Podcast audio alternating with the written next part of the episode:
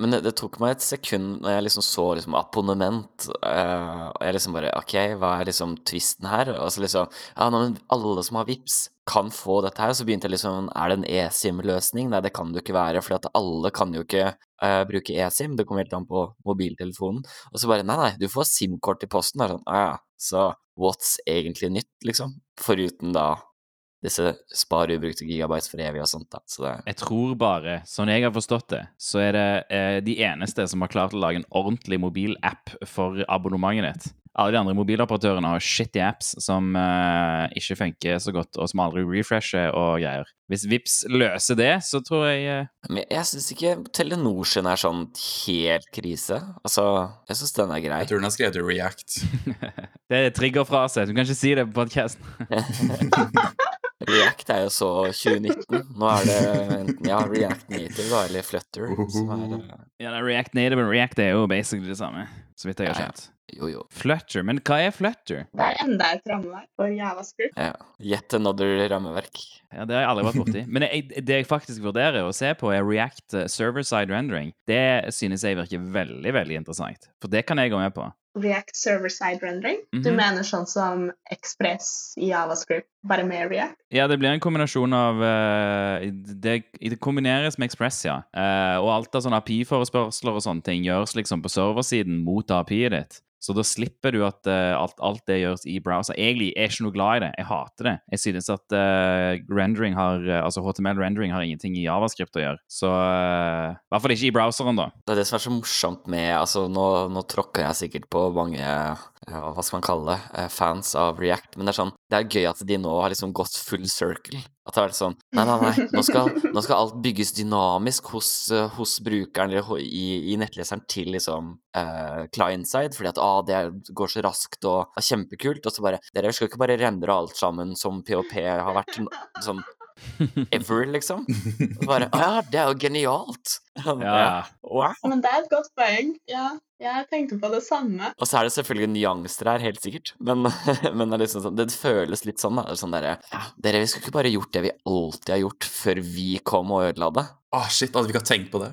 Jo, men det går alltid opp og ned. altså sånne ting. Folk, folk skal lage Folk ser ah, at dette er greit, men det er litt komplisert. Vi, vi gjør det abstrakt. Og så gjør de det abstrakt, og så, eh, og så finner de ut ah, vent, nå var det litt treigt her, nå var det litt dårlig, og så er det noen som er sånn ah, vi gjør det bra. Og så lager de noe som er bedre, eh, så ikke, som funker bra. Og så er det noen som sier sånn ah, men det var litt, det var litt weird, og så abstrakterer de det enda mer igjen. Og så går det bare videre sånn. Sant? Så det går litt sånn fram og tilbake igjen om vi har den gode løsningen eller den dårlige løsningen. Men nå, hvis ting begynner å server-side rendres igjen, da har vi den gode løsningen i sånn ti år framover, tror jeg. Fram til noen igjen sier «Å, men vi bare rendrer det på, i klienten. Ja, ja. Jeg så på Silicon Valley, så jeg vet hvordan det funker. Men for real, jeg skulle, når vi er allerede inne på det, så, så skulle jeg ønske at man, at man kunne eh, At browsere bare hadde et, et nytt språk. At du bare hadde noe som var helt separat fra HTML og CSS, og at de bare lagde en helt ny ting som kunne ha alt det dritet som React og greier vil ha. Ja, det er visst mange som har prøvd å revolusjonere browseren, men det har aldri funket, sies det. Nei, det er akkurat det. Det er optimistisk. Det er drøm. Det er noe med den browseren som gjør den bra.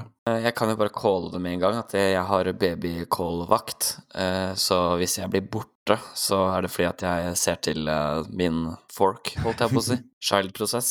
Det Det også hvis jeg skriker, så er det til bikkja som ikke legger seg ned. Så det, ja, da vet dere det.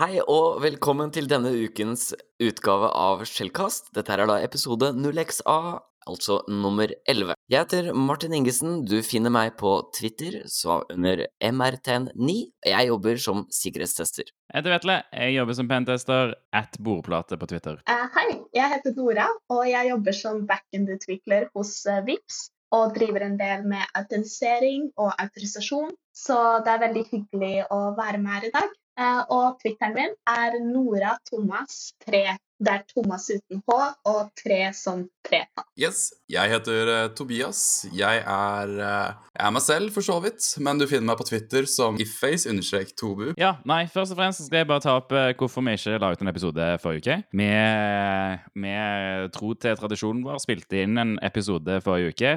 Eh, trodde vi. Men, eh, men eh, jeg, har, jeg gjorde en liten feil når jeg skulle ta opp, og jeg dobbeltsjekka ikke at vi tok opp ordentlig. Så vi mangla et klipp, da. Og derfor fikk vi ikke helt klippa en ordentlig episode, så vi fikk ikke noe ut. Og så skulle vi egentlig eh, poste noe på Twitter om det. Men det falt litt mellom to stoler om hva vi skulle skrive, og så forsvant litt av det hele verden. Men eh, nå, nå lager vi en, eh, en episode Nå igjen. er vi tilbake. Nå er vi tilbake. Så vi har ikke gått helt dark, vi bare er dårlige til å kommunisere eh, på Twitter-kontoen vår, tydeligvis. Nei, men det er jo sånn det er eh, i teknologiens verden, der eh, ting kan skje. Og vi hadde ikke gjort de riktige tingene for å sørge for at det kan skje, men hadde gått fint. Så da, men denne gangen, nå har vi liksom introdusert sjekkliste og, og, og full pakke, så, så nå, nå recorder alle liksom separat, pluss via det programvaren vi bruker for å, for å snakke sammen. Så jeg tror, eh, jeg, jeg tror Jeg har trua denne gangen. Jeg håper det. Yes. Hvis dere hører dette, så er episoden ute. Ja, godt eh, jobba til oss. Men eh, vi må jo først og fremst, eh, for de av dere som er, eh, som er holdt si, faste og tro lyttere, høre at vi har med oss en ny person her i dag. Det er da Nora.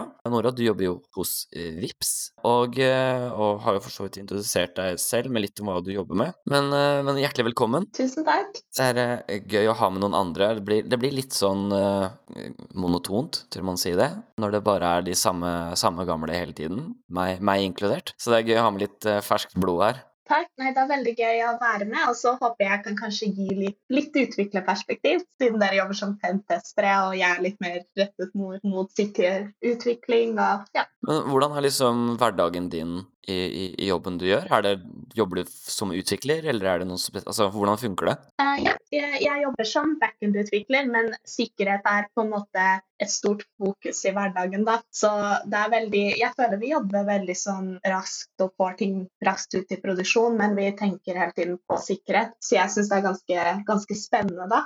Eh, Jeg føler at eh, det er veldig gøy å jobbe som steder hvor ting skjer raskt, men det likevel er et sånn sikkerhetsfokus. Mm. Ja, det er jo veldig kult, for at eh, ofte så er jo på en måte ikke sikkerhet en del av utviklinga i det hele tatt. Mm. Det er sånn at best noe man hever på på slutten, liksom. Eh, men så er det jo VIPs, da, så man skal jo Noe må man jo på en måte kunne forvente, men allikevel eh, Vi har sett mye rart eh, som pentestere, så Mm. Men det er spennende. Det er eh, gøy, og det blir morsomt å høre ditt perspektiv på, disse tingene, som vi skal eventuelt snakke om. Yes, ja. Gleder meg. Da tenker jeg at vi bare kjører på med første sak. Jeg, vet ikke om, om dere har fått det med dere, men eh, nå har det faktisk blitt valgt en ny president i USA. Hvis du ikke har levd under en stein, så har du kanskje fått med deg at det ble eh, Joe Biden som stakk av ganske behagelig foran ja, det er kanskje å ta i. Ikke behagelig nok for, for, for min uh, smak, men uh, relativt behagelig i hvert fall foran Donald Trump. Men uh, New York Times har jo skrevet et lite stykke som handler om liksom, trusler mot valg og, og valgsikkerhet, for dette har jo vært noe vi har snakket om, i hvert fall de siste, siste hva blir det, fire årene, i hvert fall. Om dette med liksom, er det, er det mulig å påvirke valg, er det av interesse for andre stater å liksom påvirke valgene i andre land? Eh, så de har liksom skrevet en piece som på en måte dekker eh, mange av de forskjellige aspektene da, med, med valgsikkerhet. Men jeg vet ikke, for at eh, min erfaring er jo egentlig at hacking av valg på en måte ikke har kommet ordentlig på agendaen før liksom de siste, egentlig forrige, forrige presidentvalg i USA. Jeg vet ikke om dere har noen tanker rundt det, når, når liksom hacking kom på agendaen for valg? Eh, Nei, det er første gangen jeg hørte om det også, var i forbindelse med forrige valg i USA, og spesielt kampanjen mot Hillary Clinton, og at Russland var involvert der. Det var første gang jeg hørte det. Så da tenker du på de, eh, de lekkede e-postene, kanskje? Eh, ja, også generelt at det ble spekulert i Eller man spekulerte i at Russland var involvert, men at det ble laget mye grupper på Facebook og generelt spredd bare ting som memes eller konspirasjonsteorier for å svarte Hillary Clinton og den delen av valget. Mm. For det har kanskje vært liksom den uh, Hva skal man si? Det har, det har vært den delen av på en måte i hacking, i hermetegn, nå er det ordentlig hermetegn her, eh, av, av valg som man på en måte Man har sett for seg liksom sånn eh, at man liksom hacker seg inn i stemmemaskiner, elektroniske stemmemaskiner, og liksom endrer stemmer og sånt noe. Men den, den store hacken her er jo i, i folks pers... Altså hva de folk tror og, og når de går til stemmeurnene, at de har blitt påvirket eh, via sosiale medier f.eks. til å tro at en person er ond, en annen person er, er vår eh, redder og, og frelser, liksom. Eh, men at det, liksom, det, er mer, det, er mer, blitt mer social engineering, da, egentlig, enn en, liksom, hacking i sin rette forstand. Mm. Nei, det er definitivt riktig. Så kan man spørre seg da om det hadde skjedd en slags hacking i maskinene i valget. Hadde man på en måte fått vite om det i etterkant. Og, fordi en god hack er vel sånn at man på en måte ikke engang vet at det nødvendigvis har skjedd. da. Det er gode kriminelle, i hvert fall. Ja, men det er jo å dra det litt langt. fordi det er jo ikke noe tegn på at akkurat det har skjedd. Det er som Martin sier, mer sosiale ting. Det jeg synes er interessant å se på, er bare å gå inn på Twitter på hvilken som helst sånn uh, politisk tweet, da. og der ser du alltid at uh, det er Russian bots uh, innom. Det er folk med, med nummer, altså 18 nummer i navnet sitt, som lagde kontoen sin for to dager siden og har liksom 400 tweets. Det er helt sinnssykt. Ellers er det folk som, som har lagd kontoen sin i typ sånn 2008, og så, eh, og så har de så har de typ sånn 400 tweets, da. Og, eh, har, og alle de ja, 398 tweets er fra liksom den siste måneden. Og så er det to tweets som er sånn Halla! Begynte akkurat å bruke Twitter. Lurer på hva dette er for noe. Og så har de tweeta en annen sånn ah, 'Dette her er maten min'. Og så resten er plutselig fra 2000, altså 2020, og så er alt politisk, og alt støtter enten Trump eller at det er noe sinnssykt om Biden, eller et eller annet. Du, du ser det så tydelig òg. Det er så klart. Du kan liksom gå inn på hvilken som helst politisk tweet, og du finner det nedover i listen, så lenge det er folk som, som har noen følgere. Det er interessant at du sier det, fordi jeg tenkte alltid at på en måte den type angrep eller sosiale angrep må være sånn at de som lager den, har en veldig sånn god idé, og at de forstår på en måte kulturen veldig godt. Det var derfor jeg f.eks.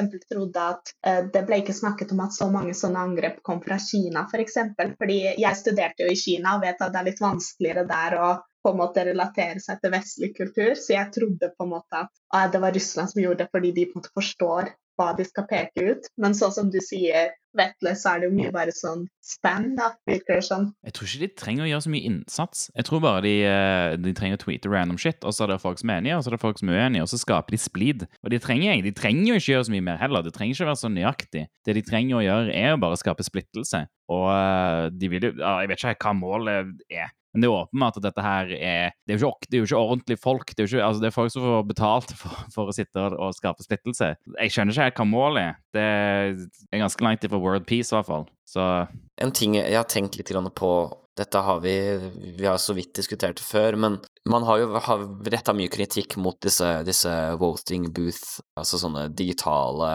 Hva er det egentlig? Sånn touchskjerm, da. I for du stemmer elektronisk. Eh, du møter opp, og så trykker du liksom Vil du ha Biden eller vil du ha Trump som president? Og så liksom registrerer du deg, og så er du ferdig. Eh, og for de av dere som måtte ha vært eh, borti Defcon, så har de jo noe som heter Voting Village. I hvert fall der, der, har de kjøpt masse sånne maskiner på, på, eBay og lignende, og så får folk da liksom lov til å, til å hacke de. Og hver eneste gang da så kommer det jo liksom nyhetsartikler om at ah, det er kjempelett å hacke disse systemene. Eh, og så er egentlig mitt, mitt, spørsmål til panelet her er jo egentlig Når det er det man vet at det blir liksom headline, er det på en måte Så det er viktig med sikkerhet, på, på, den ene så er jeg veldig for at man skal liksom løfte liksom sånt nå, men på den annen side sånn, er det ikke litt dumt å liksom undergrave dette her også? Sånn, fordi det hadde jo gjort stemmetelling jævlig mye lettere. Mm. Nei, jeg, jeg, ser hva du mener, for du tenker på en måte nytteverdien av det er så stor. Da. Ja, stemmer. Uh, jeg syns også noen ganger det jeg synes er veldig spennende med sikkerhet, er at uh, ofte så hører man på en måte at ting er veldig lett å hacke og det hadde liksom vært så enkelt gjort, men så har det kanskje ikke skjedd ennå. Og da, jeg vet noen ganger så kan man lure litt på på en måte er det faktisk en så stor risiko? Selv om det, det, selvfølgelig er sårbart og sånt, men hvis det på en måte antageligvis ikke har skjedd, kan man da ta sjansen, og kommer det fortsatt til å ikke skje? da? Ja, det er et poeng. Det er jo vanskelig å bedømme. Og eh, jeg mener jo at uh, med digitale det å gjøre, Altså heldigital digitalisere et valg tror jeg ikke vi er klar for ennå, da. Ikke før vi klarer liksom beskytte enkle Apache-sider fra free type vulnerability, skulle jeg si. Det gir ikke helt mening. Men, eh, men, så lenge de eh, voting-maskinene de, som de bruker mye i USA, så lenge alt de gjør, er å skrive ut en kvittering som du så leverer som liksom din stemme.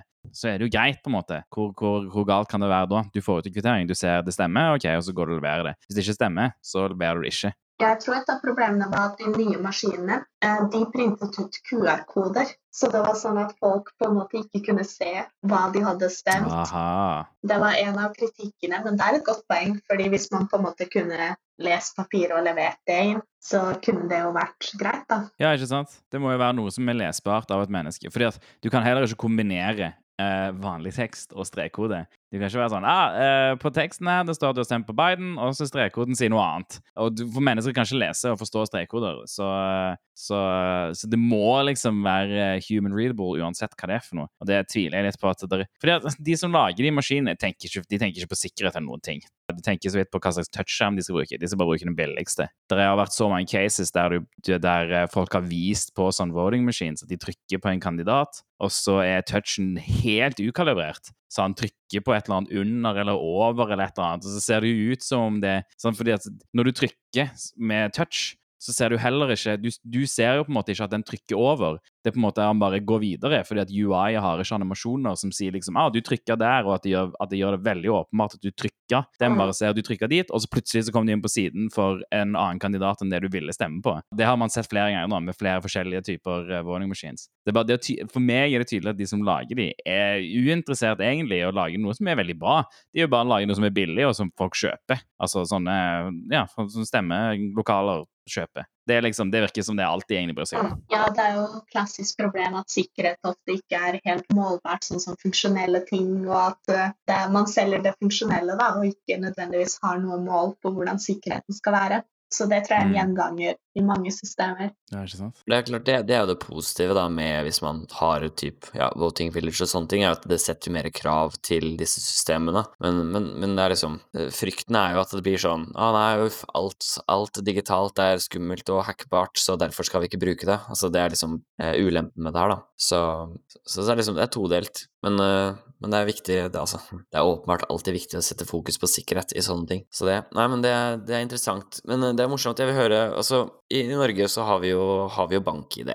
Vi har Altinn og, og, den type løsninger som, som, gjør det enkelt for folk å motta mail og, eller brev fra offentlige, uh, offentlige etater og, og lignende. Uh, og nå bare kaster jeg ut en, en tanke her. Hva hvis vi hadde brukt dette systemet til å kunne avgi stemmer? For det har jo blitt prøvd, men det har liksom ikke helt eh, hva skal man si, gått gjennom, da. Hva, mm.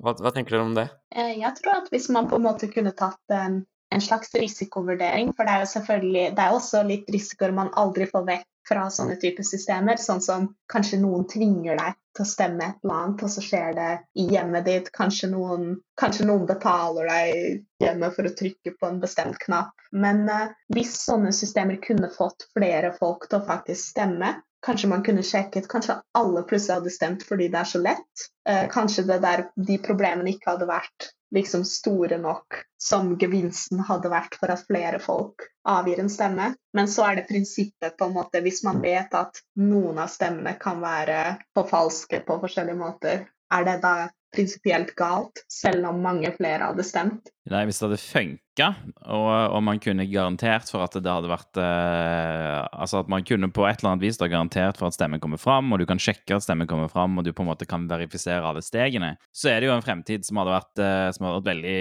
veldig gøy. Sånn, og hvis du skal se på det sånn, så vil jeg jo egentlig bare ha en app på telefonen som bare heter Norge, eller Statsborger. Og der er mm. egentlig bare alt jeg trenger. Der er posten min, digiposten inni der, stemming og sånne småting òg. Hvis du skal stemme på Eh, lokale representanter og sånne ting òg. Alt er bare inni der. Eh, det hadde vært sykt nice, men jeg mener jo at vi ikke er på det nivået ennå. Vi er ikke, vi, vi er ikke sånn sikkerhetsmessig og, og, sånn, så er vi ikke på et nivå der, der vi klarer å lage det på en måte som uh, alltid er forsvarlig, og som alltid kan verifiseres. Det, jeg, tror, jeg, vet ikke om det er noe mangler for kryptografi, eller hvordan det er. Eh, jeg, bare, jeg, vet at det er noe vi mangler. Vi mangler en eller annen form for teknologi eller, eh, eller, et eller annet som gjør at vi kan på en måte alltid kryptografisk verifisere alt. Og at, eh, og at vi vet at det på en måte, selv om det, selv om det blir hacka, for alt blir hacka, sier vi jo, men selv om det blir hacka, så kan vi på en måte ikke gjøre noe at du ikke har noen, at det er ikke noe nytte for noen som hacker, fordi at alt er på en måte desentralisert på en eller annen måte, som alltid funker. Men så, det er helt umulig for meg å vite. Og hvis noen kommer og sier blockchain, sier jeg nei. Det ikke det og, altså, Det kan godt være en del av løsningen, men det er ikke hele løsningen. Så, så, så jeg aksepterer ikke blockchain som en løsning heller ennå. Mm. Men hva med blockchain med AI og machine learning? Au, det gjør vondt. Men hva hvis man hadde hatt en dynamisk og distribuert database hvor man har bokfører hver node, og så ved hjelp av kryptografi og da automatisk verifisere endringer og tilføyelser som gjøres på noen av de andre nodene? Hadde ikke det vært noe, Vetle? Wow, det høres ut som en skikkelig god idé. Jeg har halve løsningen. Wow. Ja, Det var da Wikipedia for blockchain, hvis noen lurte. jeg tenkte nesten det. Men eh, Vetle, sånn som i dag, så bruker du sikkert nettbank og sånne type ting. Så du tenker det på en måte er trygt nok til å sende penger. Så hadde det på en måte ikke kunne vært trygt nok til å stemme også, siden man gjør så mange andre viktige ting digitalt. Ja. Ah, det, det Nora sier, ass. Dette, altså det er jo et godt poeng. Den skal jeg, eh, det skal jeg si. Jeg har ikke, jeg har ikke noen gode motargumenter her, men eh, jeg bare jeg, det, altså det handler jo om demokrati, og vi sier jo at demokrati er viktig og, og sånt. Og det er jo det, så man skal bevare det så mye som mulig. Og, eh, og hvis man begynner å ta i bruk en digital løsning, og eh, om man ikke har på plass alt, da, hvis, hvis det blir hacka og, og noen gjør et eller annet, og, ikke, og, måte, og all verifiseringen din ser riktig ut, på en måte, så vet du heller ikke at det ble hacka. Da kan du ha gjort en sånn prøveordning. Sånn, da. Det er bare en random kommune langt oppe i Nordland som, som får lov til å bruke den digitale stemmingen første gangen. Og så hacker Russland det, eller så velger de å ikke gjøre det. Og så tror man at det er sikkert, fordi at det blir ikke påvirka, Mm. valget blir ikke påvirka i det hele tatt. Og så bruker man det videre. Og så, så vet man ikke da, sant, at verifiseringen er feila fordi at de som hacker det, har klart å omgå hele verifiseringsrutinen eller noe sånt. Det må være et eller annet matematisk som bare tilsier at hele prosessen funker. Noe som ikke kan brytes. Sant? Et eller annet med å rote i matte eller i fysikk, eller et eller annet som bare gjør at, at man på en måte alltid kan verifisere at de, de stemmene som man har sendt, at de kommer fram, at de kommer fram umanipulerte, og, og, og at ingen andre kan se hvem som har stemt òg. Det er òg viktig at ikke folk kan identifisere at jeg, hva jeg har stemt. Hva om du stemmer digitalt, og så printer du ut stemmen din, og så leverer du den inn?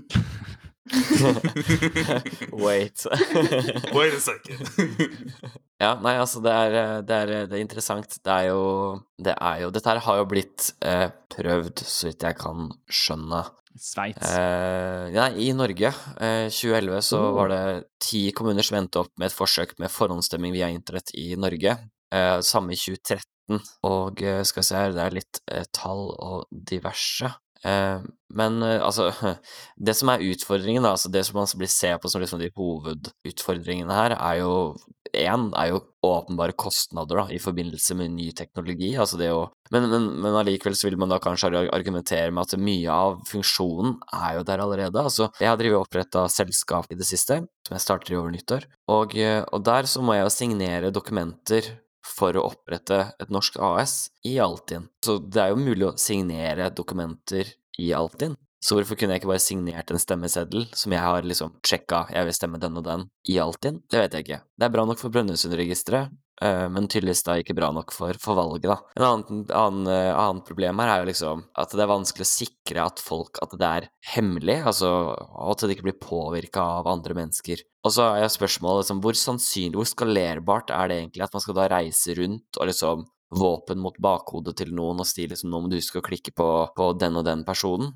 Det er liksom sånn Ok, det kan kanskje skje i hva da, ti tilfeller i Norge, men det skalerer jo ikke. Så jeg syns liksom det er, det er litt sånn fjernt, da, å, å legge det til grunn for liksom hvorfor man ikke skal bevege seg inn i fremtiden. Ja, jeg, eh, der er jeg jo enig. At det er på en måte USA har jo allerede disse mail and ballots som, eh, som de bruker. Vi- vi har jo det i Norge Det er jo akkurat samme Ja? Det er jo akkurat samme risiko, på en måte. Og det er jo på en måte ikke detaljer som jeg synes personlig er sånn kjempeviktig. Om, gjør, altså Om det skjer, så er det vanskelig å gjøre så mye med, tydeligvis. Men, eh, men, men det er verre med Det er jo én ting at du kan signere ting i nettbanken, og sånne ting, og alt det er ting som påvirker deg, eller det påvirker en bedrift. Som en helhet. Det kan påvirke veldig mye mennesker, men et valg påvirker hele Norge. Og det, jeg syns ikke det haster med å digitalisere det heller. Det er, I hvert fall ikke i Norge, der vi, jeg tror vi har mange som stemmer. og jeg tror ikke det, det er ikke helt eh, USA-tilstander i, i, hvor sugent valget vårt funker. Så, eh, så, jeg tror det haster ikke, og jeg vil heller at vi venter på den beste løsningen enn å gå for en dårlig løsning og så måtte bruke masse penger på å fikse opp i det,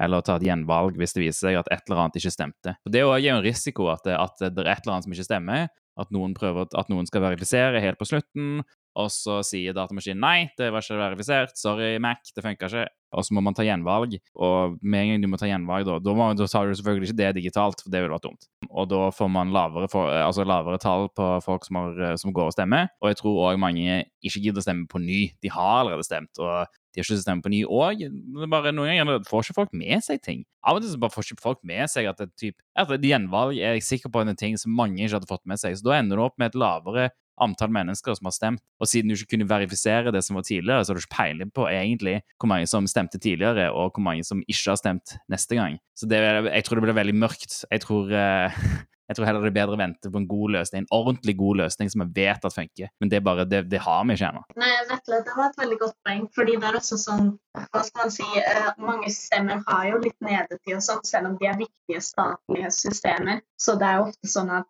det kanskje ikke funker helt. Og hvis det hadde skjedd med et valgsystem, selv om det er veldig vanlig, så hadde det kanskje virket veldig sånn negativt, og folk hadde mistet tillit til valget. og det er jo det man ikke ønsker skal skje. Mm.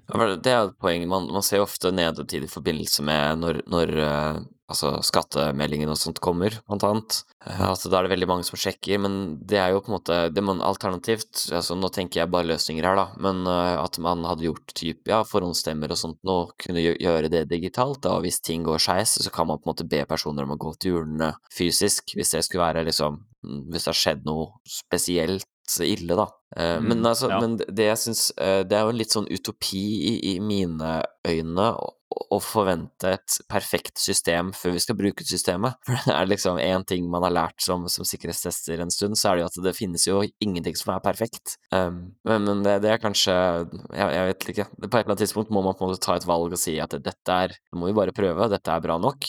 Uh, og hvis det går skeis, så må vi jo selvfølgelig ha backup-planer på det. Men, uh, men uh, nå, nå, jeg, nå, er ikke jeg noen, noen, subject matter expert på liksom e-valg. Så...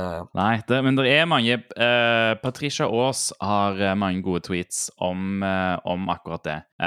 som er òg vinkla mot Norge, og for så vidt USA. Jeg skal se om jeg finner de og så de inn i shownotes. Ja, gjør det. For det, det, det, skal sies da noe av kritikken mot måten vi har gjennomført valg på i det siste, har jo vært på dette eh, Vi bruker et, uh, bruker et program som heter EVA, altså Elektronisk valgadministrasjonssystem, uh, som gjør stemmetelling automatisk, på en måte, eller den bruker sånn OCR, sånn tegngjenkjenning. Sånn du tar bilde av et dokument eller skanner et dokument, og så gjør du, gjør du liksom skrift om til, til tekst.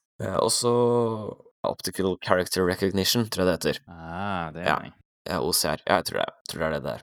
Det er det man bruker når man har sånn skiltavleser langs veien, for eksempel. Så når man leser av skiltnummer på biler. Men uh, poenget her er at kildekoden til Eva har ikke blitt offentliggjort, og i hvert fall ikke offentliggjort i sin helhet. Uh, og det er akkurat den samme problematikken som vi da har hatt med, uh, med Smittestopp-appen, altså første utgave av, av Smittestopp-appen, nemlig at den ikke var open source og, og åpen for, for jeg vet ikke hva det norske ordet er for det, scrutiny.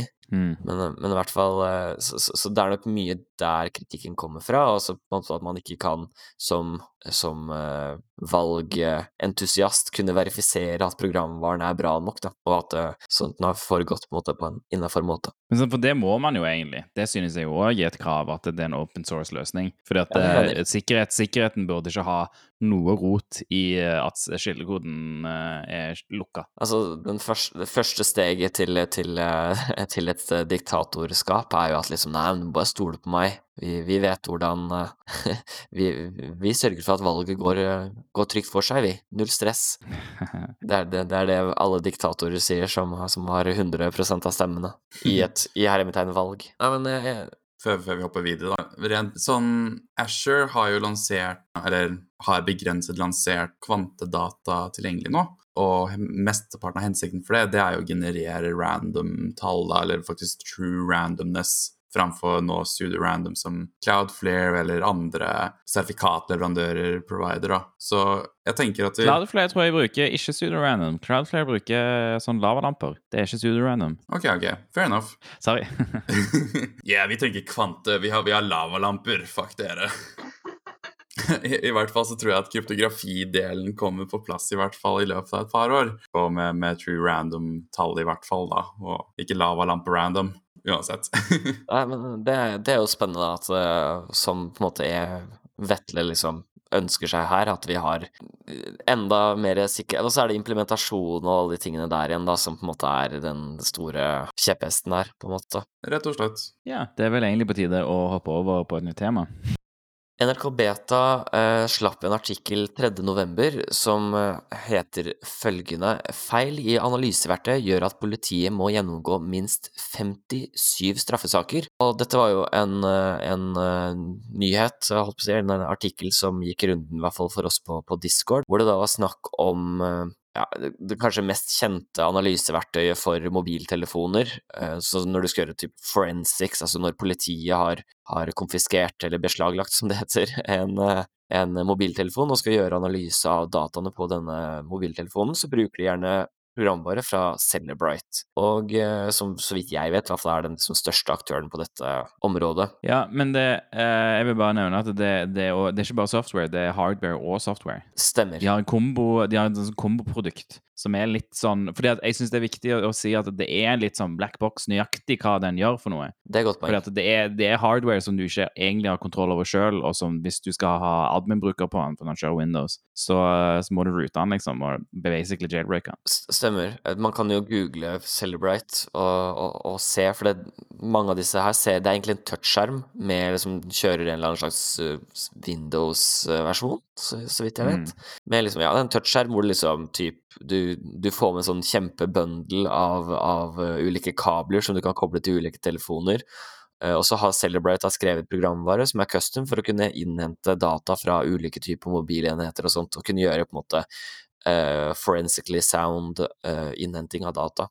Og som, som, du nevner, Vetle, så er dette veldig black box, og, og, det som viser seg, er at det har vært en feil i hvordan den her innhenter, eller rettere sagt hvordan den, eh, eh, hvordan den viser datoformat for når filer som bilder og videoer har blitt opprettet. Eh, på IOS-enheter som benytter eh, Apple sitt nye filsystem AFPS. APFS. Oh, ja. Står det AFPS i artikkelen? Det står faktisk AAFPS, eh, men Ja, det er APFS. Apple File System. Det stemmer. Apple File System. Nemlig skjema ny NRK Beta. Nei, men, men, poenget her er at, eh, at Norge må ha da bruker denne programvaren her, eller bruker denne eh, blackboxen, bokstavelig talt, og, eh, og skal da gjennomgå, eller må gjennomgå 57 straffesaker, fordi at det kan være være måte, feil her, da. Eh, at man bruker når filer og filer har blitt opprettet som bevis i en straffesak, og så viser det seg at den er helt feil. Men, men, jeg er ikke så veldig kjent med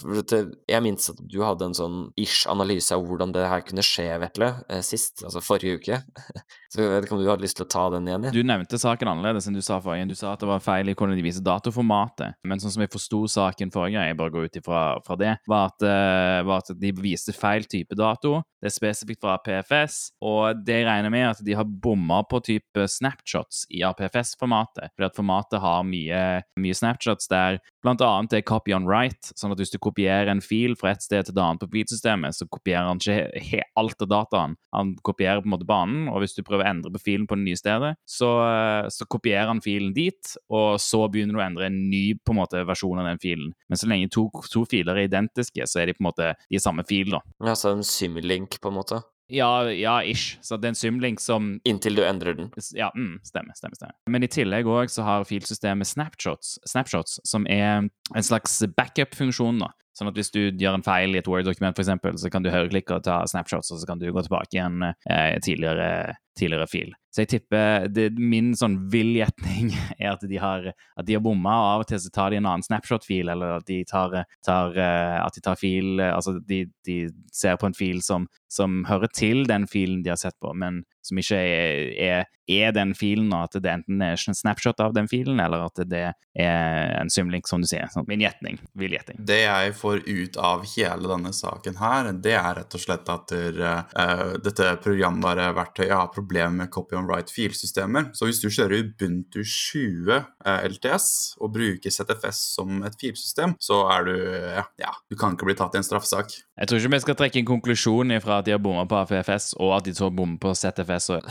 altså, det er verdt å nevne her at uh, Celebrite i seg selv er en black box, du vet ikke helt hvordan det funker. Men uh, så er jo ikke akkurat Apple så veldig mye snillere i, i APFS-formatet sitt. For at så vidt jeg skjønner, så er jo ikke det på en måte offentlig dokumentert hvordan det faktisk egentlig funker. Det er vel bare blitt reverset, eh, stemmer ikke det? Ja, jeg tror det stemmer. Jeg er ikke helt sikker, faktisk. Men uansett, eh, dansk politi fikk jo også denne meldingen. De har brukt, eh, tydeligvis brukt denne formen for innhenting 315 ganger. Så ganske mange ganger flere enn de 57 som vi har gjort i Norge. Men det som er interessant, er at uh, den norske riksadvokaten forventer en oppdatering, altså en foreløpig oppdatering fra politiet innen 1.1.2021. Men uh, 11.6 i år uh, så var den danske granskningen av dette her ferdig.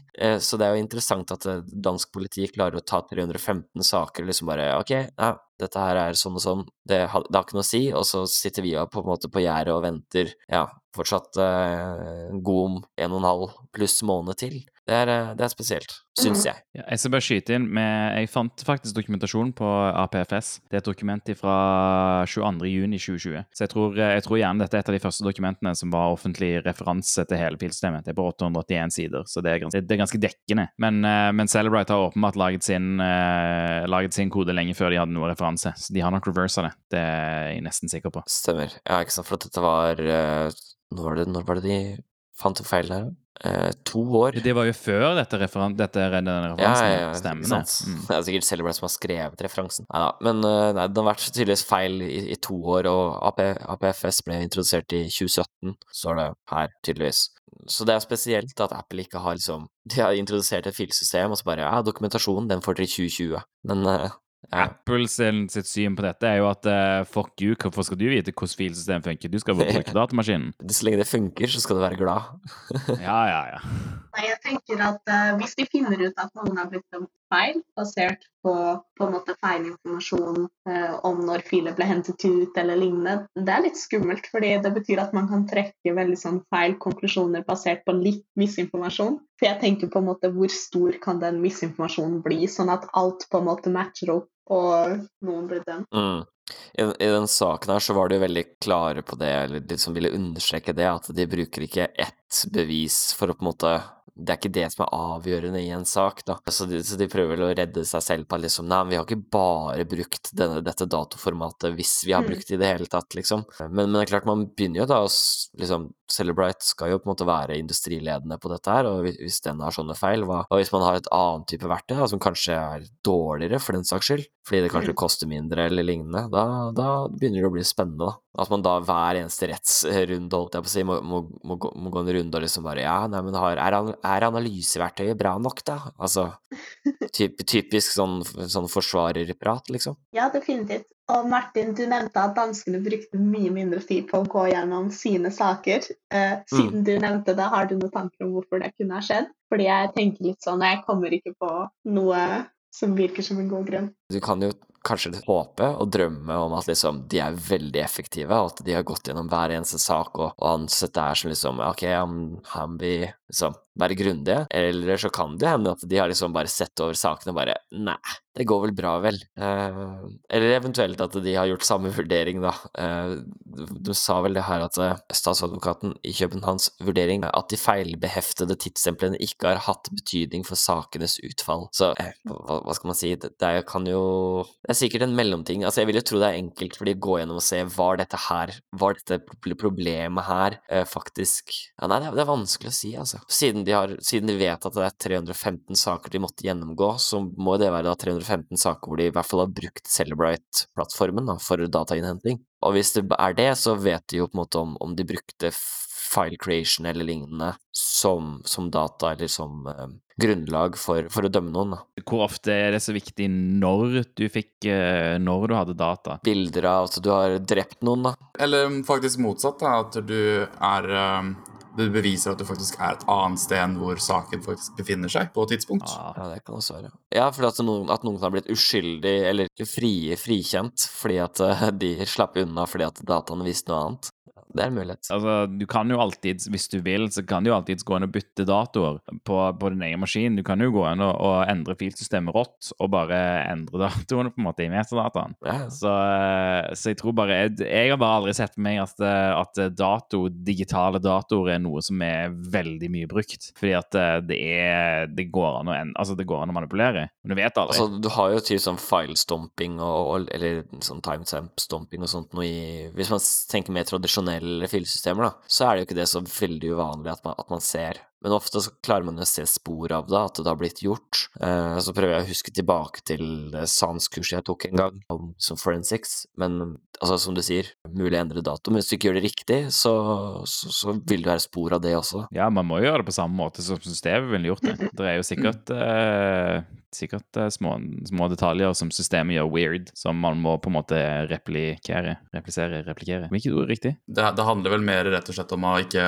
nødvendigvis bevise at man er uskyldig eller uskyldig. Det handler egentlig bare om å etablere en, en timeline rett og slett for, uh, for, for, en sak. da. Så hvis du klarer å si at uh, jeg var på en fest, ikke at det er så veldig relevant disse dager, kanskje, og at du klarer liksom å si 'jeg var sammen med den personen og den andre personen her', og da klarer du på en måte å vise uskyld i en sak, da. Hvis det er relevant, rett og slett. Mm. Ja. Så det er, det er jo en, et digitalt fingerprint, rett og slett. og det, det, det, er jo et bevismateriale, og det viser ikke nødvendigvis skyld eller uskyld. Så det å ha det er jo selvfølgelig en veldig stor bonus, men hvis det har vært hovedbeviset da, på at du er skyldig i en sak, så ja, da er ikke det så veldig bra bevis egentlig i første omgang. Uh, offensive Security, de som kanskje er mest kjent for eh, OSCP-sertifiseringen, har nå sluppet et nytt kurs. De har jo drevet re remodela og endra på sertifiseringen og kursene sine de siste månedene, uh, og nå har det liksom endelig kommet med et nytt uh, fett kurs som heter PEN 300, Evasion Techniques and Breaching Defenses, Advanced Pen Testing Training, og kan gi deg sertifiseringen OSE. Disse akronymene til sertifiseringen her kommer til å gå i krøll for meg etter hvert. Du har liksom OSCE, OSCP, OSEP. OSWE, OSEE Ja, ikke sant? Nemlig. Så de burde egentlig gjøre et eller annet eh, et eller annet, det, er samme, det er det samme med SANS eller GIAC-sertifiseringen også. Det, er, eh, det, går alltid ball for meg, altså. Hva som er hva, og hva som er bra, holdt jeg på å si. Men i hvert fall, dette er et kurs som på en måte bygger videre på eh, OSCP, eh, som er det, det, derre Pentesting with Kali eh, Linux-kurset, som har blitt liksom sånn hallmark i, i, i industrien vår eh, de siste årene, at liksom du, du må ha OCP. Men uh, gå inn på mer liksom klientside, uh, endelig litt mer om Active Directory. De, nå har de jo endelig putta mer om Active Directory også inn i, i pentesting with Kali Linux-kurset, men det har jo på en måte vært sårt trengt en stund at de må ha mer, mer Active Directory-ting, men også ting som application whitelisting, antivirus evasion action, eh, makroer, sånne ting. Lateral movement. De, de, de, de, tingene her da, som man på en måte må, eh, for, for å være en mer komplett pentester,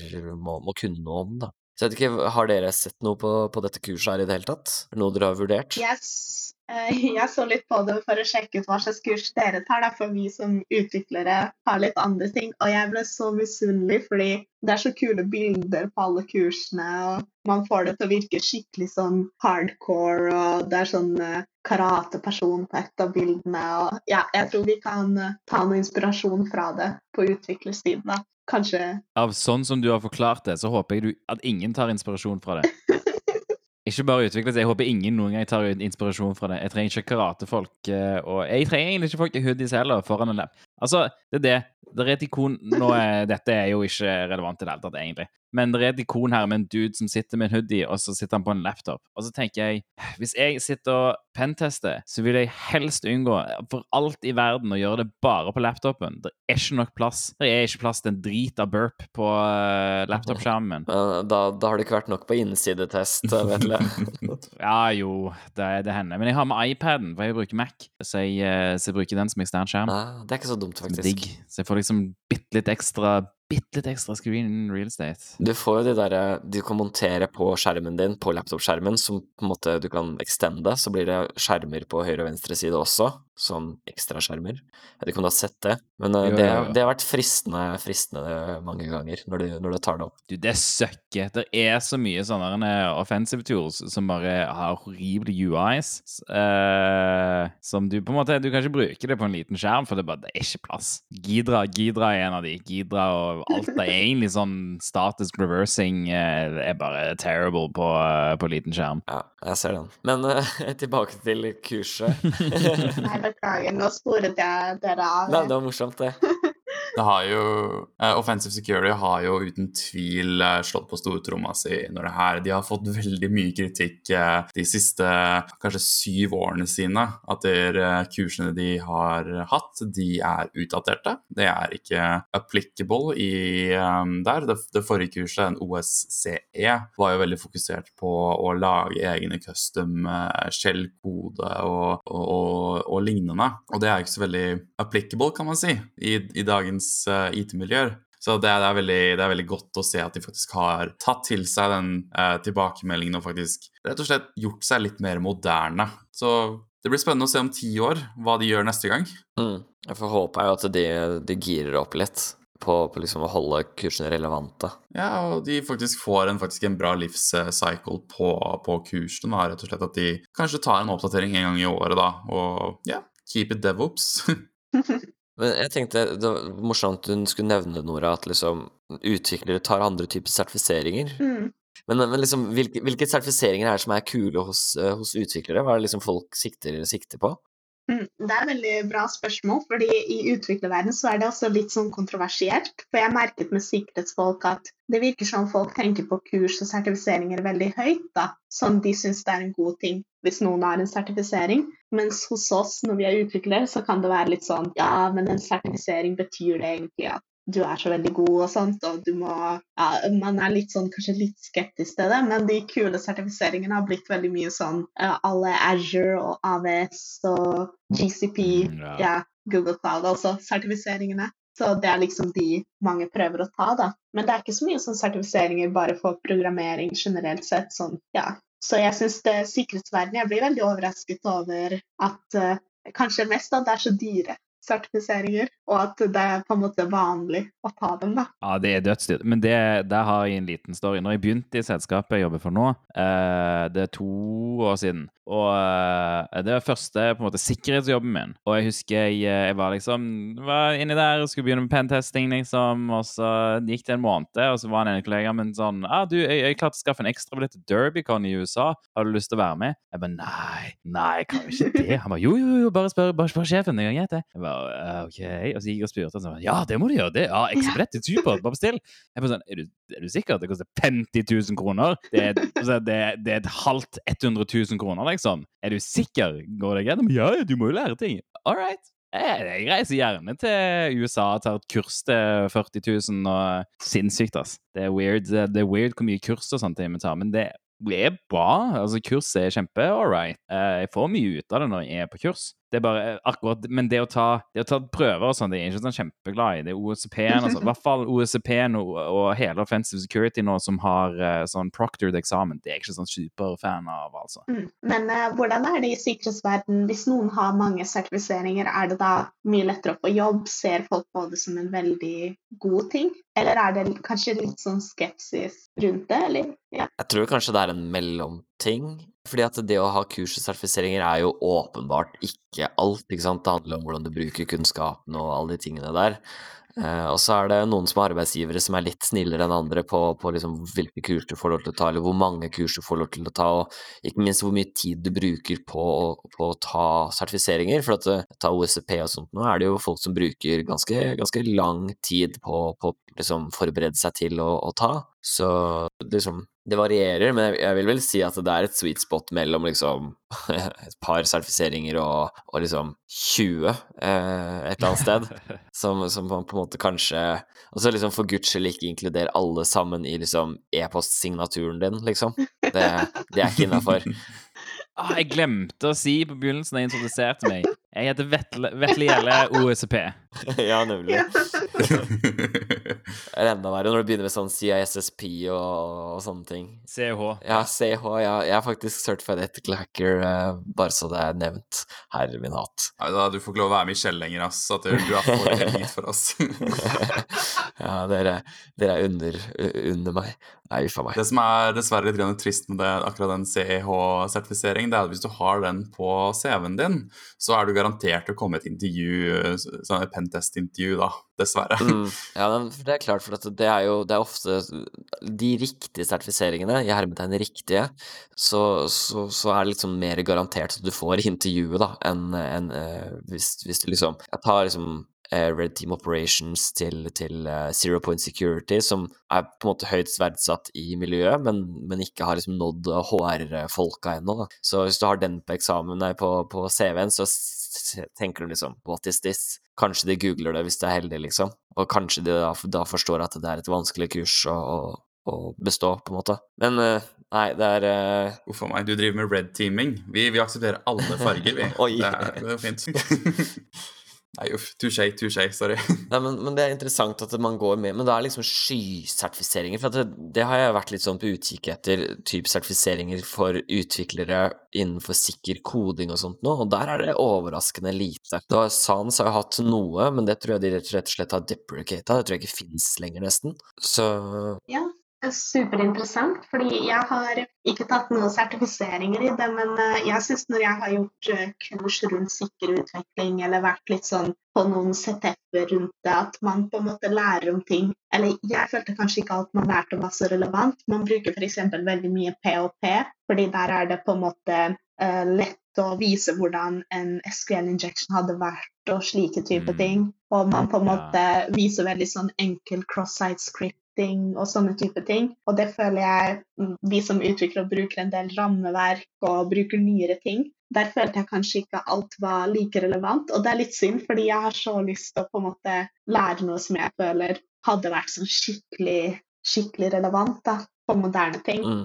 Ja, nei, men Det er et godt poeng. Det har jeg tenkt, har jeg tenkt på. Jeg, eh, jeg, hadde nylig eh, presentasjon for uh, innad i, i, internt i selskapet vårt om sikker uh, utvikling, fordi det var sikkerhetsmåneden uh, nylig i mm. oktober. Og, og, da tenkte jeg på det at det, det, er ingen som bryr seg om PHP-koder. Altså, man programmerer egentlig ikke et språk så mye lenger. Ja, du programmerer i Javascript, men mye, mye mer programmerer du i View eller i React. Og det er de som mm. bestemmer hvordan du gjør ting, og hva som er farlig. Så, og, mm. og det det er viktigere å ta opp ting som er farlig i hvert rammeverk. F.eks. i React så er set, uh, dangerously set inner HTML alltid det første jeg søker på i en React-kodebase. Fordi at, uh, fordi at om, det mis, altså om, det er brukt feil, så får jeg XSS der, og det er dødsenkelt. Og det er de tingene som er viktige å vise til utviklere at uh, hvordan er. Mm. Mm. Så det, det, er litt sånn språk og språk og rammeverk avhengig, da. Så, så det er kanskje den største forskjellen for pentestere og utviklere, er at uh, utviklere gjerne jobber i et konkret rammeverk eller et konkret språk, og, og, og annet er på en måte ikke applicable i det hele tatt, men for vår del så er det litt sånn uh, Enten er overføringsverdien relativt høy, eller så, eller så, ser vi så mye rart uansett at vi får alltids bruk for, for det meste vi lærer i et, i et kurs, da, eller en sertifisering. Mm. Men altså, man kunne jo hatt type mikrokurs, da, som liksom går på Ja, si du driver med Elektron, da. som, som, her er de vanligste feilene med Elektron, og så har man kurs med, med, med kodebase som man må patche selv og sånt. Bare tenker jeg på ideer her. Ja, nei, for jeg, jeg tror det er mer interessant. Jeg tror alle utviklere vet Altså, du kommer på et punkt der du vet hvordan SQL injection funker, og du vet hvordan XSS funker, og du vet hvordan de meste av det funker. Det er bare det at eh, du, man tenker ikke på hvordan rammeverket av og til jobber mot deg hvis du, hvis du ikke er sikker på hvordan du bruker alle funksjonene du bruker. Det er det som er, liksom, det er, det som er hovedproblemet blant utviklere, ser jeg. At de bruker funksjoner de ikke vet at har sideeffekter, som skaper sikkerhetsproblemer. Hmm, det er veldig interessant. Men det er, det er veldig morsomt at vi snakker om eh, forskjellige kurs eh, for eh, dette med programmering og sikker koding. Fordi bum, bum, bum, Segway til neste punkt. Hack the Box har jo lansert en ny funksjon som heter Academy. Der er det faktisk en modul som heter Securing Coding 101, og så er det fokus på javascript. da. Den er jo selvfølgelig rata som hard, fordi tydeligvis er javascript veldig vanskelig for eh, veldig mange. Det som er interessant med dette kurset, det er at det er veldig stor fokus på javascript-kodeanalysing. Uh, type unpacking multiple layers of packet javascripts code og, og alt det der, og, og, og fortsette på hele den der. Og så ikke, ikke, bare liksom sånne enkle code review-ting også, men faktisk det å identifisere vanlige sikkerhetsproblemer i javascript, uh, injection-angrep Rett og slett bare bekrefta at det er en sårbarhet i javascript-koden i, i, det hele tatt, og fokus på hvordan du faktisk kan patche SED på sårbarhet, da. At det høres kjempekult ut. Ja, jeg skal sjekke det ut. Jeg er veldig nysgjerrig på på en måte Det høres jo veldig relevant ut, men om det på en måte faktisk er reelt og relevant, så Nei, kjempekult. Jeg, jeg må jo ta en liten, uh, liten sånn side note før vi går videre på Academy, for det, det, er veldig kult. Det er jo helt nytt fra, fra Hackterbox nå. Men, uh, men, det er en nettside som heter Secure Code Warrior, som uh, er basically kodeanalyse og identifisere løsning på, på kodeanalysen eller kodefeilen, da, som, som, på en måte er sånn gamified, hva skal man kalle det, ja, i, i nettleseren i hvert fall. Så at du på en måte kan Du får en kodesnutt, og så liksom klikk på Klikk på hvor på en måte sårbarheten er hen, og så Ok, du identifiserte sårbarheten, ja, åssen har du lyst til å patche den? Og så får du liksom ulike, ulike liksom eh, mulige måter å patche den på. Så, så det syns jeg ser interessant ut. Virker, virker, spennende, og de fokuserer på dette shift left eh, hva, hva, skal man kalle det, ikke paradigme, men, men et sånn nytt fokus, da, at man mm. skal eh, flytte sikkerhet eh, lenger opp i, i, altså nærmere utvikleren. Så, så jeg tror jeg Mnemonic har vel hatt noe, arrangert noe, skal vi se, ja, det var forrige måned, i oktober, så arrangerte en sånn konkurranse, blant annet, hvor de hvor de brukte den plattformen her. Så, så det er interessant å, se på, da, for så vidt. Så det finnes jo, det er på en måte på vei, da, men uh, men dette er jo bare, dette er bare på en måte en gamified greie. Den er jo ikke noe Ok, det er noen courses her også, ser jeg. Ja. Nei, i hvert fall. Men uh, tilbake igjen til, til Hack the Box uh, Academy. For at, uh, som sagt, det er jo noe helt nylansert fra, fra Hack the Box. De, de, har jo på en måte fått litt konkurranse fra ulike hold i det siste på liksom det de har gjort veldig bra før, nemlig å spinne opp, spinne opp virtuelle maskiner og et virtuelt eh, nettverk som du på en måte kan connecte til og angrepe bokser. Men uh, nå som de har fått mer konkurranse fra sånn TryHackMe og lignende, så, så, må de innovere litt, og det ser ut som om de har fått til ganske bra. Mm. Det er vel viktig å nevne at uh, Tobias òg er admin hos uh, Box Er det bare ja, Discorden? På Discorden, kanskje. Ja. På det Discorden, er verdt å nevne. Det er altså noe moderat funksjon på, på, selve plattformen, men det er jo veldig begrenset, fordi hovedfokuset mitt er jo å sørge for at discorden er oppe og gå, og at, ja, at moderatorene der oppfører seg, og at faktisk Hacktobox-crewet oppfører seg også. Det det har, skjedd at de har vært uh, veldig slemme og bestemt seg for å pinge 40 000 brukere sånn randomly. Nice. Så ja, jeg, jeg, er ikke ansatt hos Hack the Box, men jeg jobber uh, frivillig som manager for discorden deres. Så noe bias. Så, men det betyr egentlig at du får, så vidt jeg har skjønt, har fått tilgang til disse funksjonene litt tidligere enn det andre har? Mm. Jeg, jo, jeg, var, jeg, var, jo beta-tester, som veldig mange så på Twitter. Og da fikk jeg jo teste alle modulene, da. Jeg skal jo innrømme at jeg ikke testet den secure coding-modulen, for det var ikke den første som piqued my interest. Uh, men Eh, jeg fikk jo testa et par av de andre ganske store der, da. Hvor eh, det var Den jeg fokuserte mest på, var kanskje Active Directory Bloodhound-kurs deres. Og det som er ganske interessant å nevne der, det er jo at ja, informasjonen ligger ute, og det er sikkert andre kurs og andre plattformer som tilbyr kanskje noe lignende, lignende da. Og det jeg kanskje har sett manglet, da, for jeg har jo forsøkt de andre kursene også, så jeg, jeg skal prøve å være så nøytral som bare mulig her. Det er veldig vanskelig å være nøytral når man får ting gratis av, av Hack the Box, men uansett. Det som jeg har lagt veldig godt merke til da, på, på Hack the Box-plattformen, det er at man faktisk får tilgang til en lab um, med det man faktisk driver med. da. Og Hack the Box har jo en funksjon som heter Ponebox, som er veldig godt integrert i Academy. da. Og i Bloodhound-kurset så får man jo direkte tilgang til, eh, til et AD-miljø som man har halvveis kompromittert. Og man lærer liksom de forskjellige sidene av Bloodhound. og liksom fokuserer på enkelte seksjoner på liksom enkelte seksjoner av ved hjelp av verktøy, da, rett og slett. Det, det, er ikke ofte man ser i andre plattformer, da. For, for det er ofte sånn man når man tar kurs på en måte på, på Black Hat eller lignende, så, så, er det jo gjerne labber da, som man kan liksom leke seg i og det betaler man jo en ganske god penge for å, for å liksom få tilgang til. Uh, så, men her er det jo da For det har jo vært en at Academy er ikke gratis. Uh, I hvert fall ikke hele. Er, du får vel noe gratis i starten, uh, og så må mm. du kjøpe deg sånne cubes, eller hva de valgte å kalle det, for å på en måte kunne åpne opp eller låse opp uh, de ulike kursene. Mm, det, det, er riktig. Det, Hackademy er jo ikke gratis. Uh, det er jo en tjeneste som koster uh, penger, og det er jo noen gratismoduler. Men også som den vanlige Hacktobox-plattformen også. Det er gratis, noe av det i hvert fall, men det er jo begrenset opplevelse av det. Som jeg husker per nå, så er det at man kan kjøpe disse cubesa som man kan bruke til å unlocke disse forskjellige modulene. Og så har du en subscription, da. Jeg vet ikke om den er helt tilgjengelig, eller hva. Og da får du tilgang til forskjellige moduler. Ja, det er interessant. Uh, og bare sånn uh, jeg, jeg, titter raskt på katalogen her. Det er liksom Det er litt om ja, hacke Wordpress, uh, krekke passord med, med hashcat, Active Director LDAP, nummerering og sånt noe secure coding, som, som, du nevnte, i avskrift. Litt om privilege escalation, brute forcing, og kanskje de største her er vel, som du nevner, Active Directory med Bloodhound og, og Active Directory med, med Powerview. Um, mm. så, så, det er vel kanskje de, de måte, største modulene her. Men, og dette her kommer til å vokse, da, selvfølgelig. Mm. Det er uh, veldig mange flere moduler som er i utvikling og faktisk er klare, men de kan ikke droppe alt sammen på release enda. Det er jo fortsatt noen bugs som må bli funnet ut og, og sånne ting. Det er jo nye discoveries hver dag på det. Spennende. Mm.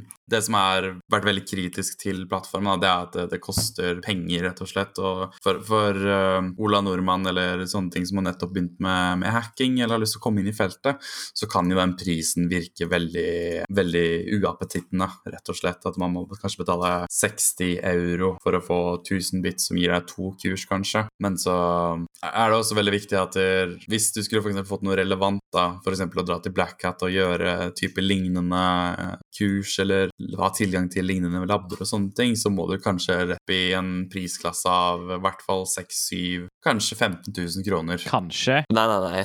Det er minst 30 000 eh, norske kroner. Ja, for to, da for to dagers training. Å, ja, jeg tenkte på hotellavgiften, jeg. Sorry. Å, ja, sånn, ja, ja, bare hotell, ja. ja, ja. Nå begynner vi å snakke. Nei, altså for, for én person, hvis du skal til, til, Vegas med liksom hotell og kost og losji og, og, og, training og sånt, og vi skal ha fire dager training og sånt, så er det fort vekk opp i liksom ja da, 80 90 100 000, liksom? Eller er det off, uh, Vetle? Tror du det? Uh, nei, de, de, dyreste kursene er 60 000, tror jeg. 60-70. Ja, det tror jeg er de dyreste. Det er de fire dagers kursene. Ja, og så med fly koster det fort vekk 10 så 70, og så 10 til mat og sånt, og så 10 til hotell. Ja, ja. ja det, blir fort, det, blir fort, noen kroner, da, i hvert fall, til uh, men, altså, så, men, det er klart, dette her er jo man, jeg, jeg, tar vel ikke feil hvis man sier at man kan kanskje ikke sammenligne det helt med et firedagers kurs på, på Black Hat, liksom, men, men jo, du har jo altså, mange okay. Du har jo større utvalg her, da, ikke sant? og, og, kan gjøre litt mer som du vil, og klikke deg gjennom i comfort of your own home, på en måte. Mm. Ja, men det er viktig, for mine erfaringer med kurs fra Derbycon og Black Hat er at eh, det er folk som drar på avanserte kurs, og så har de egentlig ikke kompetansen de trenger til å være på det kurset, mm. og så stiller de masse dumme spørsmål, og så stiller de spørsmål som er det sånn Har du egentlig tatt barneskolen, eh, eller går det greit med deg? Og det samme det, det opplevde jeg på det var noe Advanced Exploitation. Der opplevde jeg masse dumme spørsmål. Og altså, i fjor tok jeg et uh, kurs på Black Hat som var noe sånn IoT uh, exploitation, eller uh, Industrial IoT Exploitation. Og der òg like mange dumme spørsmål. Folk som får forklart nøyaktig hva de skal gjøre, men klarer ikke å gjøre det.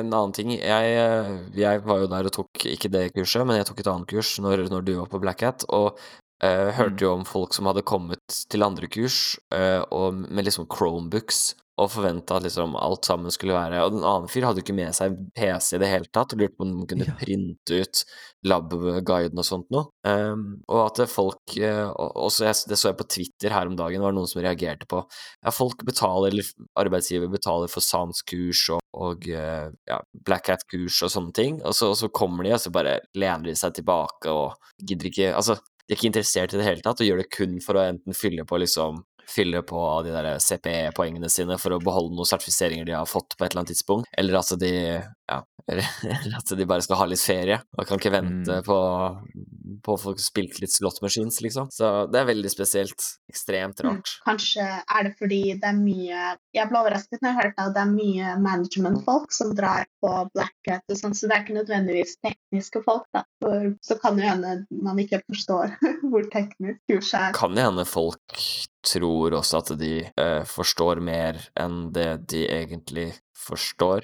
Nå, Mm. Nei, jeg, jeg vet ikke. At, at liksom De, de tror at å, jeg skal klare å holde meg oppegående teknisk, og så faller de av på når de ikke klarer liksom å åpne VNC, liksom. Eller nei, jeg vet ikke. Det er, eh, ja. jeg skal ikke, skal ikke dømme, på en måte, men, eh, men det er rart og Det er litt eh, klønete når du drar på kurs, eh, liksom, og du skal lære deg advanced exploitation, og så liksom bare rekker du opp hånda, liksom Hva er assembly, liksom? Da Det går ikke. Det er dessverre sånne mennesker som holder disse kursene gående også, da. Det er jo litt trist å tenke på. Ja, det er klart. Ja, så sånn sett, så lenge de ikke er i veien da, for folk som, som Vetle, som har lyst til å stille intelligente spørsmål, så, så er det jo greit. Jeg skal ikke si jeg stiller intelligente spørsmål, men eh, men, det drar men- litt langt, syns jeg. Men når de opp, oppholder liksom kursdeltakere ved å stille spørsmål som er eh, helt uh, ute i vilden fy, da det, det er jo irriterende, selvfølgelig. Uh, men hvis de bare sitter der og spiser kake og ikke er på gruppe med meg, liksom, så, så er jeg happy, for så vidt. Ja, ja, ja. Jeg tror mange stiller spørsmål bare for å vise at de følger med. Men så viser det seg i spørsmålene de stiller, at de ikke følger med, selvfølgelig. ja, det er klart. Og så er det noen steder det er mer kultur for å stille spørsmål enn en f.eks. nordmenn uh, gjør, har jeg, har jeg skjønt.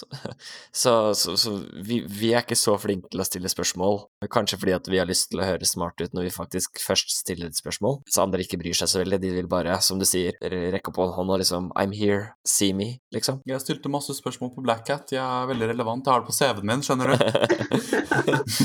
Jeg, jeg klarer ikke sånn eh, awkward stillhet, så hvis eh, det er en forelesning og man blir spurt om noe, så er det helt stille, så må jeg bare rekke opp hånda selv om det er helt katastrofe. Men jeg bare klarer ikke. Ja. Du, du er den personen som liksom Ja, dere, er det noen som har lyst på denne kjedelige rollen her som dette Ja. vervet her? Og så er det liksom crickets, og så, så bare ah, Ja, OK, jeg kan ta det, det er greit, jeg tar det. Bare Ja. for å bli kvitt den der awkward silence, uh, Jeg, gresshoppelyder i bakgrunnen. nei, jeg er weak på den måten der. Det kommer jeg aldri til å bli vant til. Det er sånn to sekunder stillhet. Det, det går ikke. Men når vi først har det her, Tobias, uh, med tanke på Hack the Box uh, Vi snakka så vidt grann, så, så vidt grann, faktisk, så vidt om, om Battlegrounds. Ja. Når Det er vel hva er det, tre episoder siden eller noe sånt? Fire hvis du regner med den ødelagte forrige Ja, ikke sant? Jeg, jeg, jeg tror kanskje jeg regna med den, faktisk. Ja, nå ble jeg usikker. Samme det. For det, du har jo vært ganske, ganske inne i dette her. Du har til og med på YouTube sett spillene. eh. Ja, ikke sant? Nemlig. Så, så kan ikke du Hva er, hva er Battlegrounds på, på Hackterbox? Battlegrounds er en intens fire mot fire eller to mot to hacking, sans eller sans-feeling-kurs-type deal. Nei, det, det var litt å ta i. Um, hacking Battlegrounds er uh, rett og slett at du er uh, en angriper og en forsvarer. Det kan sammenlignes med Defcon sin Attack and Defense uh, CTF, som skjer en gang i året. Og det har egentlig vært det som er fokuset med Hacking Battleground. At der, um, uh, eller CTO-en uh, James, som han heter Jeg husker ikke etternavnet. James.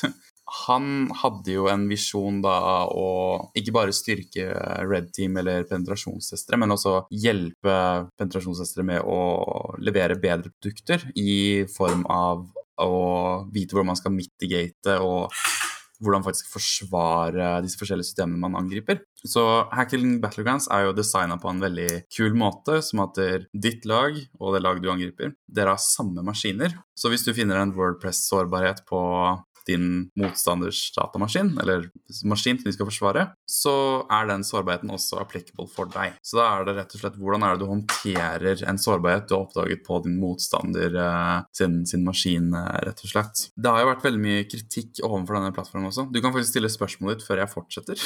nei, nei, altså det, det, det, er jo for de som er kjent med ZF-er og liksom høyere nivå ZF-er, så, så, har man jo, ja, som du nevnte, Defcon sin finale ZF, hvor man må hoste og, og, liksom ha Jeg vet ikke åssen funker det med poenggivning og sånt. Er det poeng for å, for å liksom submitte flagg, da, som du åpenbart henter fra, fra, fra de du angriper, altså motstanderlaget? Men får du noe poeng for å forsvare deg? Åssen funker den dynamikken der? Du får jo poeng når du tar rotflagget og user-flagget da for, for motstanderen, men defending er jo også ganske interessant, fordi du får poeng hvert eh, femte minutt ca. om du har full availability. Så hvis en availability check ikke klarer å fullføre, at det er liksom noe som er galt, eller at du har klart å ødelegge noen ting, så vil du få minuspoeng ut ifra hvor, ja, hvor, oppe maskinen din er, da, rett og slett. Og en typisk sånn availability check, da, det kan jo være at den, den logger seg inn på maskinen din, den availability checken, og sjekker rett og slett om det er en SSH-nøkkel i, i hjemmappen til en bruker på systemet. Hvis ikke den, eh, den nøkkelen er der, så vil du få ja, kanskje minus 10 poeng, da, eh, framfor å få pluss 150 poeng. Ja, ikke sant. Så er det også basert på, da, for den, gjør jo en, den har jo en sjekkliste, da, og jo, jo, flere punkter en feiler på på den sjekklista, jo, jo mindre poeng får du, da. Og hvis den ikke klarer å logge seg inn på systemet sitt, for den SSO-er seg inn, og så gjør testen, og så logger den seg ut igjen. Og hvis den ikke klarer å logge seg inn i første omgang, så får du rett og slett bare minuspoeng. Så da lønner det seg ikke å skru av datamaskinen din, da. Da, kan du, da, da får du altså bare minuspoeng, og det er jo ikke bra. Ja, for, for, det kunne jo alltids vært en liksom, Hvis man ikke har en availability check, så kunne man bare skrudd av maskinen, for da er man åpenbart ikke sårbar for angrep heller. Men, uh, men, men det har de åpenbart tenkt på, tenkt på, da, samme som i andre type attack and defense-settefer. Men, men mm. kan du da liksom profile hva denne demonen gjør når den logger seg inn og liksom gjør de sjekkene, og så kan du på en måte Kan du skape nedetid hos motstanderen, sånn at motstanderen da liksom den sletter den SSO-nøkkelen som du nevnte, da, fra den spesifikke brukeren, hvis du først har root, liksom, for å gi de ekstra liksom ekstra damage, da? Ja, det, det er jo det er jo lov i reglene, men det er jo sett på som en super dick move. uh, okay, så det er, en, det er, en, code of ethics eller sånn derre ja, ja, selv om du kan RMRF-strek, uh, så Man kan gjøre det, men det er liksom ah, Kom igjen, da, dude. Det er ikke noe morsomt, det her. Man gjør det for å lære, og så lærer man ikke når du gjør det. Og så, når dette her skjer, hvis f.eks. i bricker maskinen din, så må du jo resette den, og da mister du også poeng for det, fordi du får jo en penalty for å resette maskinen. Det er riktig. Og da, er jo, da resetter du maskinen til en sårbar statie, altså hvis de har skripta maskinen din, som ikke tar så lang tid, så bare logger de seg på igjen med en gang, og så har de ja, back where you are. ja. Men hvordan er liksom, hvor lenge varer disse kampene, på en måte? Det er eh, to forskjellige eh, game modes akkurat nå, og det er jo fire mot fire og to mot to. Og i fire mot fire-versjonen av Hacking Battleground så varer det en time på, på punktet, mens på 2v2 så er det en halvtime. Riktig, så det er ganske intenst da, egentlig? Det er superintenst, og man blir veldig stressa veldig kjapt, ved mindre man klarer å puste og liksom OK, nå må, vi, nå må vi, tenke rolig her. Um, det veldig mange har en tendens til å gjøre, det er jo rett og slett at å ja, jeg må være super elite hacksår, og jeg må, jeg må, dekke alle tracksa mine og herpy-derp, ikke sant? Men det er ikke necessary i det hele tatt. At mesteparten av spillerne på Hacking Battlegrounds er ikke så veldig avanserte, og vet nødvendigvis ikke helt hvordan man skal faktisk gjøre instant response. Så man kommer seg veldig godt unna med å bare legge en SSH-nøkkel og ja, SSO seg inn, og det er ikke noe stress. Ja, for persistence, liksom. At man eh, Ja, bare det er- enkle er ofte det beste, på en måte. Rett og slett. Eh, For det er litt interessant, disse, disse motspillerne du har, eller medspillerne for den saks skyld. Altså, velger du Altså, kan du teame opp med venner, eller er det randomly valgt hvem du spiller med? Du kan spille med random mennesker, men det morsomste er å spille med kompiser. Eh, for da føler man at man er en del av superelite-team og, og everything, og man kan liksom rope på hverandre og Hei, du, har du ikke patcha SQL injection som var på 104, eller hva, hva, hva, er galt med deg, liksom? Det er jo bare å legge til et PHP-filter, og, og, og så videre og så Mm. videre. Um, men det, det er jo intenst, og alle sammen går i sin egen lille boble, så om kommunikasjonen er verdifull eller ikke, det er jo opp til enkeltlag, vil jeg si. Spennende. Men åssen er liksom poolet av, av maskiner? For dette, en av, en av på en måte, det, det vi snakka om sist, var dette med, med Hvis du på en måte begynner å kjenne igjen maskiner, da, så kan du jo teorien ha scripta ting ferdig, så det er liksom Kjøre et Python-script, så blir ting eid, på en måte. Men er det, er det realistisk, eller hvor, hvor enkelt er det på en måte game dette her til slutt? At du liksom Det blir ja, trivielt å, å vinne, da. Det har jo vært eh, Det har jo selvfølgelig vært en ting Hacktobox har, har tenkt på. At det, ja, man, man kan skrifte maskinene, og jeg vet jo at andre større YouTuber, Ibsek, har skripta kanskje 70% av alle maskinene allerede. Um, men alle sårbarhetene man finner på disse maskinene, de er jo uh, La meg rephrase meg. Det er veldig mye av de samme sårbarhetene implementert på forskjellige måter. At man ser SQL injections, man ser command injections, man ser kanskje en command injection på port 8000 eller 8080, eller her er det en åpen FTP-server eller en åpen SMB eller en åpen NFS-mount og sånne ting som du kan skrive til og hente SSO-nøkkel fra og sånne ting. Så sårbarheten er veldig like, men de er også samtidig veldig forskjellige også, da. Så ja, man kan skripte dem, um, men også tror jeg per nå at det kanskje er 40 bokser i poolet av maskiner. Og det er også Jeg tror de nevnte at det var sju maskiner som er på Q for å rulle ut. Ja, ok, Så de gjør litt det samme som, som eh, det de gjør generelt sett, at de på en måte eh, refresher bokser jevnlig, da, så at det alltid er noe nytt, på en måte? Det er veldig sant. Det er akkurat det de gjør. Ok, skjønner. Hvor mange maskiner har du å forsvare når du spiller? Er, er, det, liksom, er, er det avhengig av game mode, eller hvor mange et stort team er? Det er jo det er litt avhengig av hvor stort, stort team det er. Det er jo designa for at du har din egen maskin som du skal defende, og du har en maskin du skal angripe. Det er jo ikke alltid tilfellet at man forholder seg til den ene maskinen, men wha- wha- whatever. Ok, så det er, det er, det er, fire maskiner du må eller angripe slash defende i 4v4, altså to, to i 2v2? Det stemmer. Ok, skjønner. Ja, men det er, det er kult. Det er veldig opplysende.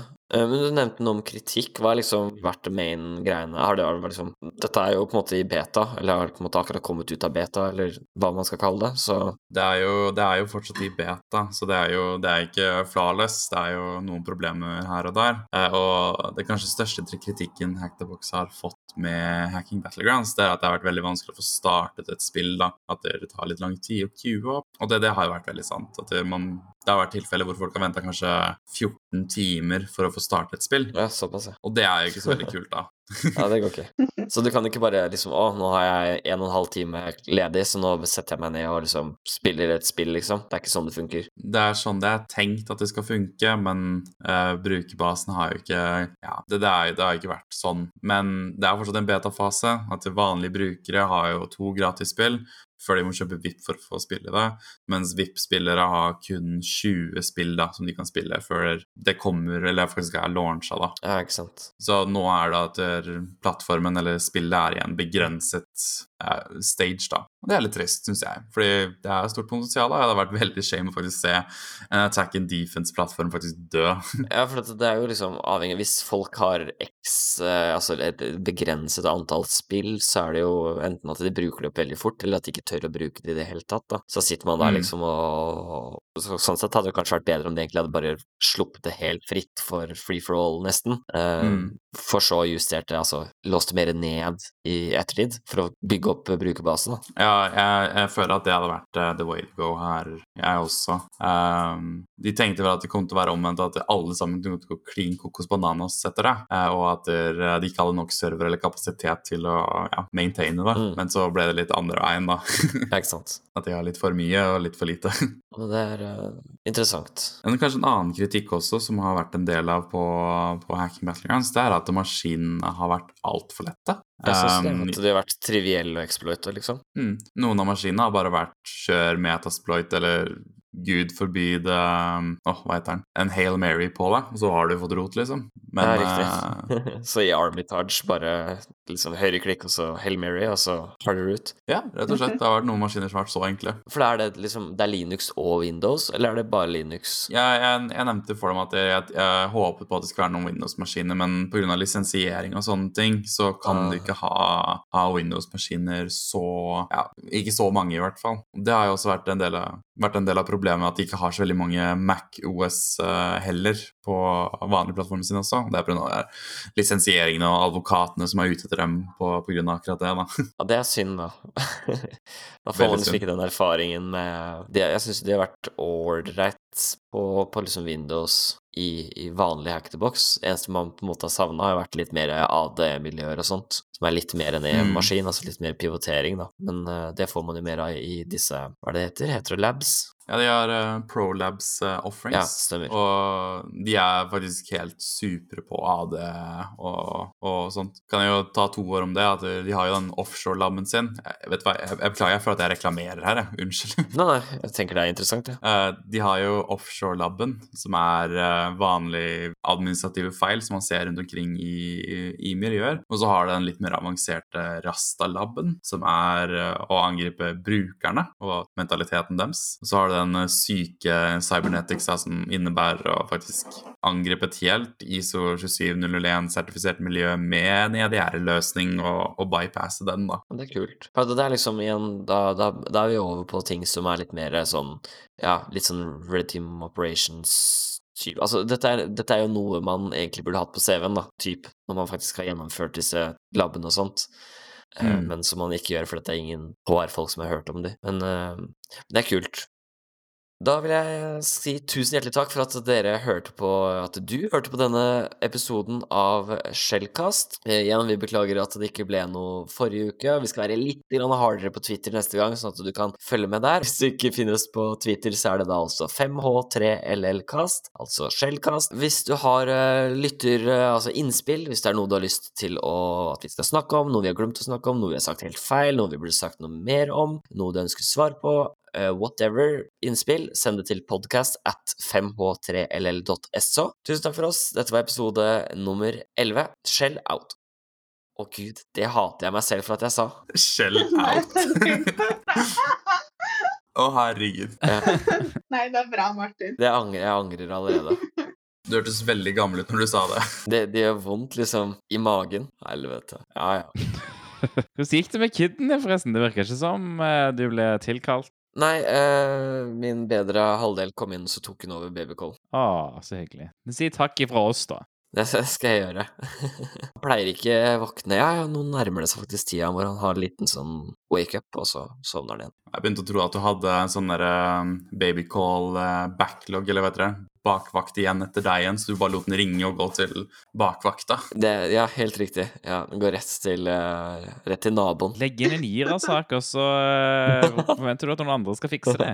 Eh, det- ja, nemlig den issuer automatisk en, en ticket i Gira, eh, som blir assigna til den som er ledig i kalenderen. Uff a meg. Men det er morsomt. Jeg, jeg har faktisk eh, egentlig tulla med det, men jeg mener det vel egentlig. Eh, sagt til eh, igjen min bedre halvdel at eh, jeg vurderer å, å lage et sånt ticketsystem i huset. Fordi at jeg er elendig på å huske ting jeg skulle ha gjort. Sånn type eh, Vi må kappe til den planken sånn at vi kan ha den til den og den tingen. Så, jeg, så jeg har vært liksom centimeter unna, liksom. Vær så god, her har du gira. Eh, her kan du liksom issue eller sende inn tickets på ting som må gjøres, og jeg gjør det samme, og så kan vi tracke progress på, på, på liksom hva som har blitt og ikke blitt gjort. Ja, sånne sprint scrum sessions. Sånt. Ja, ja, ja, ja så burn down graphs og, og liksom ja, the definition of done og sånne ting. Ja. Gud. Dere kjører ikke sånn eh, møte, sånn ukentlig møte eller noe sånt? Jo, jo, jo, jo, jo, jo, sånn scrum eh, Ja. Daglig standup. Er ikke det det heter? Standup. Jo, jo, daily standup. Ja, stemmer. Det må du ha, Og så må du ha sprint review på slutten av en sprint. Eh, Ah. Så du liksom ser tilbake på åssen det gikk, da. Men eh, ja, så må du hver, hver start av hver sprint så må du liksom estimere ja, hvor lang tid tror du det tar, og så må du liksom så kan du drive med planning poker og sånne ting hvis du tror det, hvis du er uenig i hvor lang tid det tar, da. Men det med estimering, det er virkelig noe Jeg misliker det veldig på, så jeg, jeg er glad eh, der vi er nå, så føler jeg ting går mye bedre. Man tar det mer naturlig hos Vipps. da. For jeg tenker sånn at Hvis du vet nøyaktig hvor lenge en programmeringsoppgave tar, hadde ikke da koden vært ferdig? For det er jo ikke det å skrive inn koden som tar tid, på en måte. Det er jo å finne ut hvordan du skal gjøre det. Når du på en måte har en idé, så skriver du koden. Men det virker litt som om å estimere, da tenker man at nei, du vet hvordan det gjøres, det er bare hvor lang tid det tar å skrive ned koden. Mm, det er sant. Det er sånn, hvordan skal du estimere noe du ikke vet hvordan du gjør ennå? Ikke sant? Det er sånn Ja, det er ok, da estimerer hvordan du bygger en bil. Det er sånn Ja, det er Ok. Du kan spørre kvantedatamaskinen om den vet. Helt riktig. Du kan gi deg et kvantesikkert tall på, på hvor lang tid det tar. Hoho.